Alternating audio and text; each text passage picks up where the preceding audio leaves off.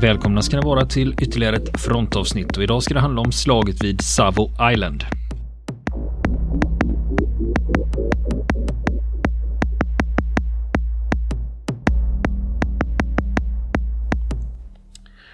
Och Mikawa han visste inte vilken tur han hade då i det här läget. Och kunna smita in på det sättet.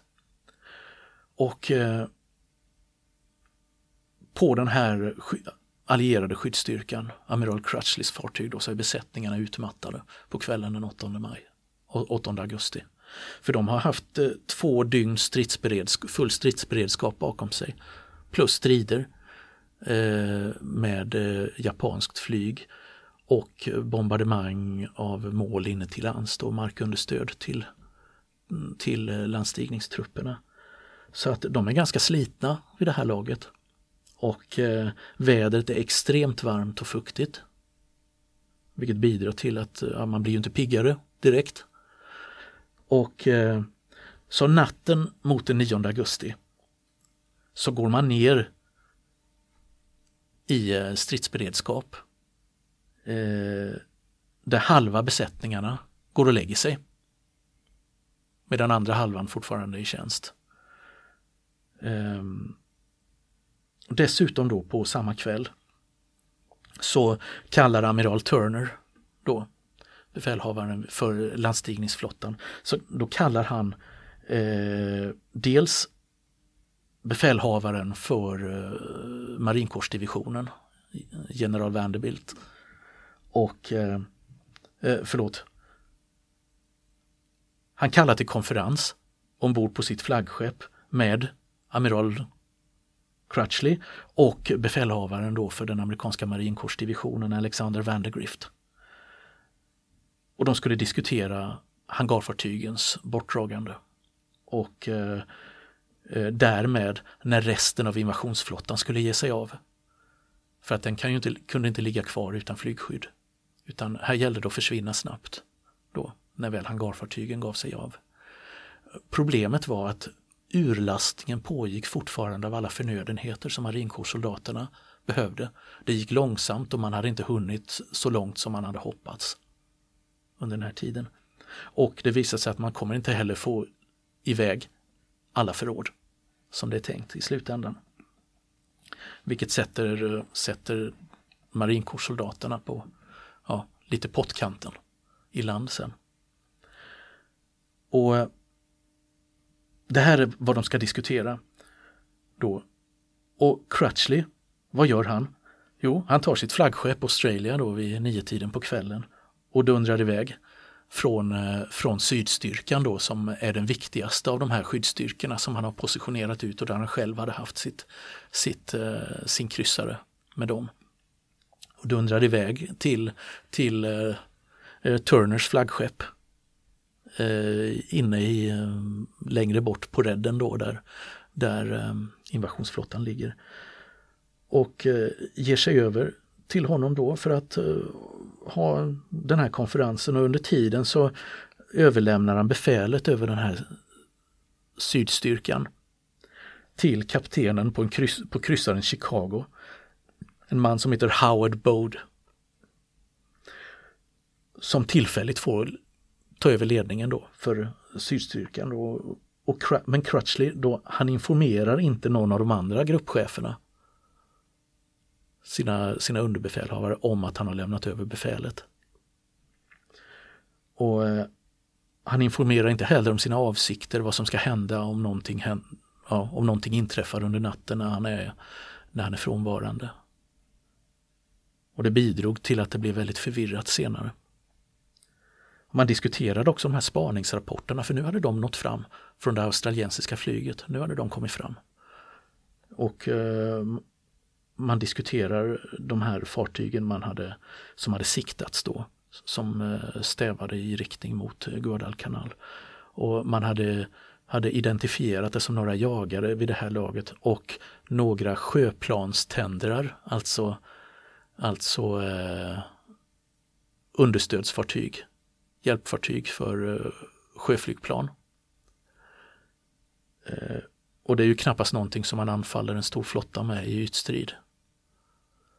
Så att eh, man beslutade sig snabbt för att nej, nej, det där är inget hot mot oss just nu. Så att det kommer nog bli en lugn natt, trodde man.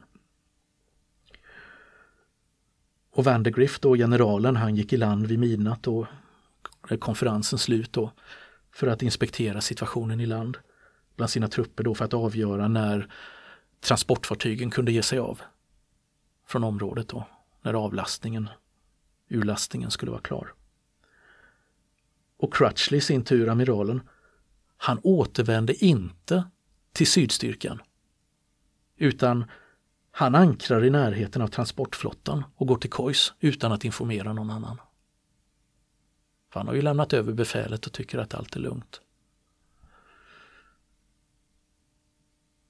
Och nu är alltså amiral Mikawa väldigt nära och skickar upp tre sjöflygplan från sina fartyg. Tre flygbåtar. Och de ska först de ska spana till att börja med i skymnings, sista skymningsljuset. Och, och sen när striden börjar så ska de fälla lys över den allierade flottan. Är det tänkt. Och flera utkikar då på de allierade fartygen. De observerar eller hör de här oidentifierade flygplanen surrar omkring där uppe strax före midnatt men ingen rapporterar det här till sina överordnade. För ingen tror att de här okända planen som snurrar runt där uppe är liksom ett förebud om ett nära förestående anfall. Så ingen av amiralerna får veta någonting om detta. Och Mikawas kolonn då som är alldeles nu bortom Savo Island, den är tre kilometer lång och i spetsen är flaggskeppet Chokai. Med Mikawa själv ombord. Då händer något. När de nästan är framme. Strax före klockan ett på natten så upptäcker japanerna en av de amerikanska jagarna. De här som var utsända som förposter för att uh, skanna av området. Precis. Blue heter den och den är nio kilometer framför Mikawas fartyg. När den upptäcks. Och det här är ju inte bra om man blir om de redan ska liksom väcka uppmärksamhet innan de har nått fram till den allierade huvudstyrkan. Och överraskningsmomentet är borta. Så att Mikawa han ändrar kurs för att undvika jagaren istället för att gå in söder om Savo som han har tänkt sig så ändrar han kurs för att istället gå norr om Savo Island. Och liksom öka distansen till, till den här jagaren. Och han gav också order om att sakta ner kolonnen därför att svallvågorna kunde identifiera dem eller förvarna för att de är fortfarande tydliga i, i skymningsljuset, kunde observeras. Så för att minska risken för det så saktar han farten på hela kolonnen. Man håller kursen. Alla ögon på bryggorna är riktade mot den amerikanska jagaren. Har den upptäckt den japanska kolonnen eller inte? Fe mer än 50 kanoner riktade mot den här jagaren vid det här laget. Skör tråd. En skör tråd, ja. Och när de är bara två kilometer från jagaren så ändrar den plötsligt kurs och drar sig därifrån. Men det finns inga tecken, det går inte skönja några tecken på att japanerna blivit upptäckta trots att de är bara 2000 meter ifrån. Då snackar vi närstridsavstånd med kryssare nästan. Mm. På det Men det är väl ändå mm. mörkt? Ja, det, det har, har ju mörknat snabbt vid det här laget. Har det gjort. Men den var tydligen helt omedveten om Mikawas styrka. Så att istället så går han tillbaka till den gamla kursen, söder om ön, istället för norr. Och han ökar farten igen.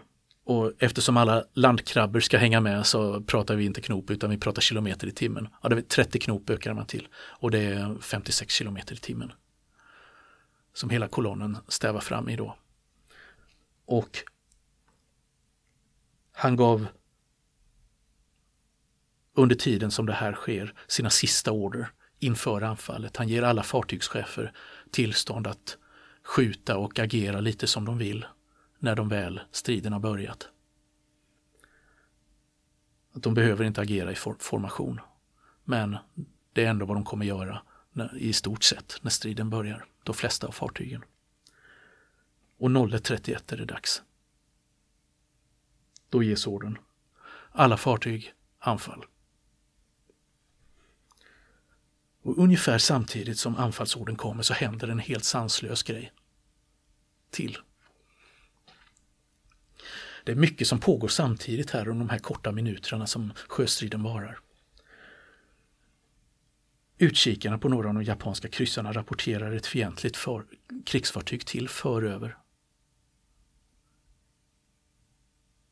Och de har svårt att avgöra, är vi på väg att bli upptäckta i alla fall?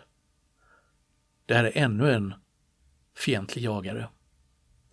Vad de inte vet då är att det här är den här jagaren, den heter Jarvis, amerikansk jagare, som blev svårt skadad av de japanska flyganfallen tidigare på dagen.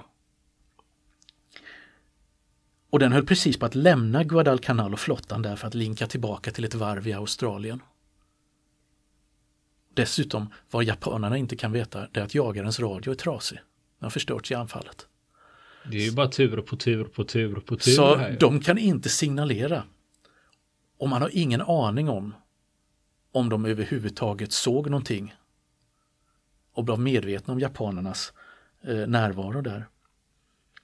En av de tunga japanska kryssarna, Futaka, avfyrar en salva torpeder mot Jarvis som inte gör några undanmanövrer och ingen av torpederna träffar. Så frågan är om de ens hade en aning om att de var utsatta för ett torpedanfall. Det vet vi inte. Jag ska komma fram, återkomma till varför vi inte vet det efteråt. Och den japanska kolonnen passerar till slut bara 1100 meter från Jarvis.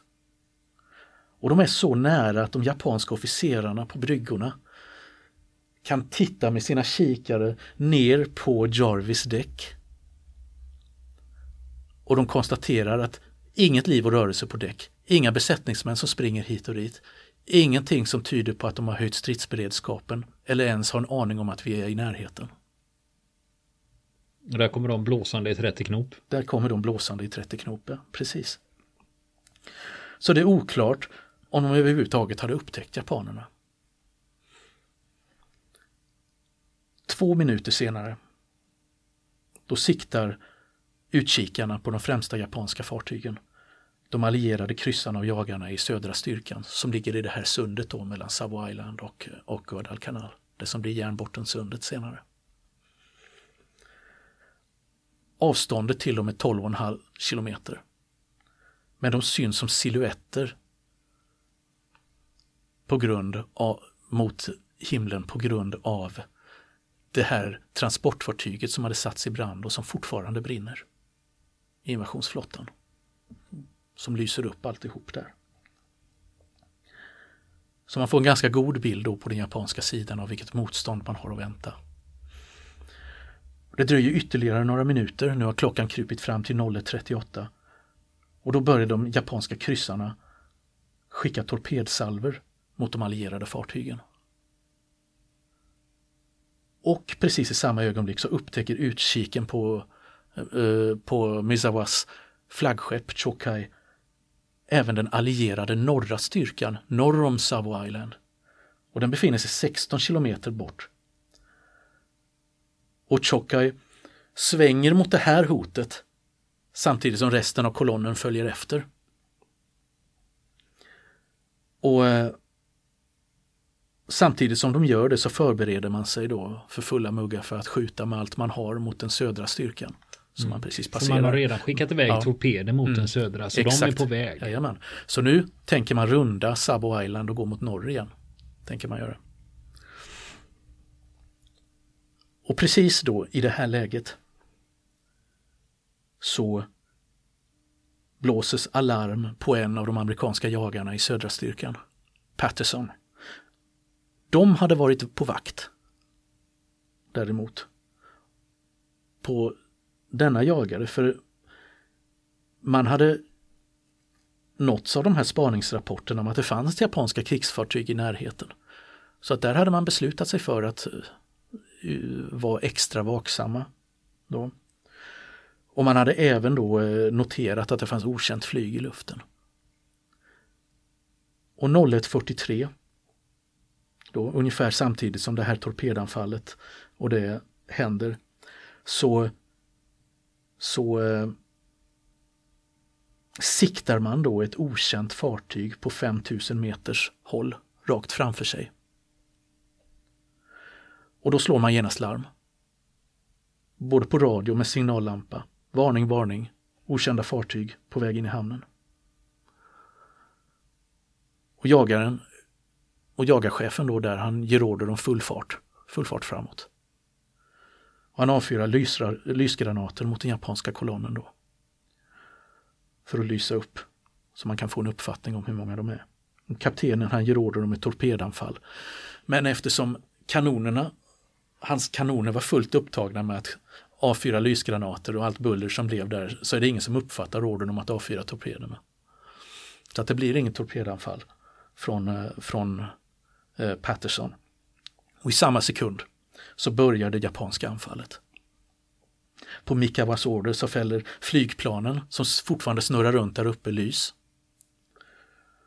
Rakt över de allierade kryssarna då i sydstyrkan. Två av dem då, Canberra och Chicago. En, en australiensisk och en amerikansk blir fullt upplysta. Och Canberra, där har man en där är kaptenen Frank Getting då på tå. Han reagerar omedelbart. Han ökar farten, han svänger runt med alla kanoner så att de bär mot fienden så han kan använda alla sina kanontorn. Alltså. Men mindre än en minut senare, när Canberra fortfarande håller på att rikta in kanonerna mot målen, så öppnar Chokai och en annan kryssare då Furutaka eld mot henne. Och inom bara några sekunder så träffas den australiensiska kryssaren Canberra då av flera granater. Och strax därefter så blandar sig ytterligare två japanska kryssare i leken. Och på tre minuter så tar Canberra emot 24 tunga granater. Du kan ju tänka dig vilket eh, kaos det blir ombord. Mm, men de japanska fartygen mm. har haft tid att sikta in sig. De också. har haft tid att sikta in sig. Medan ja. Canberra blir tagen på sängen. De blir tagna på sängen, precis. Eh, artillerichefen ombord på Canberra dödas omedelbart. Kapten Getting han blir dödligt sårad. Bägge pannrummen slås ut och fartyget ligger snart dött i vattnet, sittande anka. All ström är utslagen. All kraft i propellrarna är utslagen. Innan Canberra ens har hunnit avfyra sina kanoner eller varna resten av flottan. Så hon ligger där snart, inom bara några minuter, i ljusan låga med slagsida. Och det var omöjligt att bekämpa elden ombord eller pumpa ut vattnet. Man hade inte ström till pumparna. Och dessutom så visade det sig sen då att hon i den här vevan kan ha träffats av två torpeder också. Och några andra granater men inte från fienden utan från Friendly Fire alltså. För en annan jagare är just i samma ögonblick i aktion och gör ett torpedanfall och två av torpederna tycks ha träffat Canberra istället för japanerna. Vi återkommer dit strax. Under tiden då på Chicago, den amerikanska kryssaren, där har besättningen, den del av besättningen som är i tjänst och på däck vid det laget då, sett hur deras eget fartyg plötsligt lyses upp av lysbomber. Och de har också sett hur Canberra framför dem plötsligt kraftigt girar. Och eh, hur eldstrid bryter ut. Då alarm blåses, klart skepp, Kapten Bode, han som hade befälet över sydstyrkan då, tillfälligt då, han väcks i sin koj och beordrar att hans artilleri ska skjuta lysgranater mot den japanska kolonnen. Men granaterna fungerar inte. De tänds inte. Och inom en minut så skakas fartyget av en torpedträff i fören som sliter av fören på hans fartyg. Och i den här smällen då som skakar hela fartyget och så skadas eldledningsutrustningen också. Ytterligare en torped träffar fartyget inom ett ögonblick men exploderar inte. Och en granat från den japanska sidan träffar huvudmasten och dödar två besättningsmän i utkiken. Då sätter Chicago full fart därifrån på sin kaptens order. Och man går, stävar därifrån i nästan en timme. Med fören borta? Vad man gör är alltså att man överger landstigningsflottan, invasionsflottan som han var satt att skydda. Han försökte inte ens ta befälet över de fartyg han var satt att föra befälet över under den här striden, kapten Bode. Och han försöker heller inte varna någon annan. Han bara drar med sitt fartyg därifrån. Han stack från stridsområdet. Och under tiden, vi kommer tillbaka till honom och vad som hände sen. Under tiden då så befinner sig en annan amerikansk jagare, då Patterson då, som jag nämnde tidigare då i artilleriduell med den japanska kolonnen. En jagare mot flera kryssare.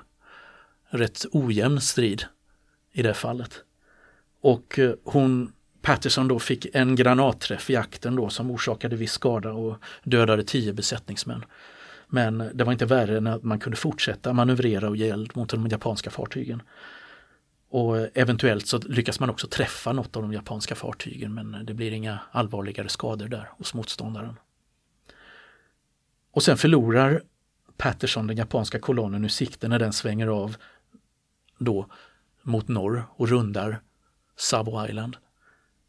Och eh, på, på östra sidan. Och då gör en annan amerikansk jagare, Bagley, ett eh, torpedanfall mot de här eh, japanska fartygen när de försvinner i, i fjärran. Och det är förmodligen ett, en eller två av de torpederna som träffar Canberra istället.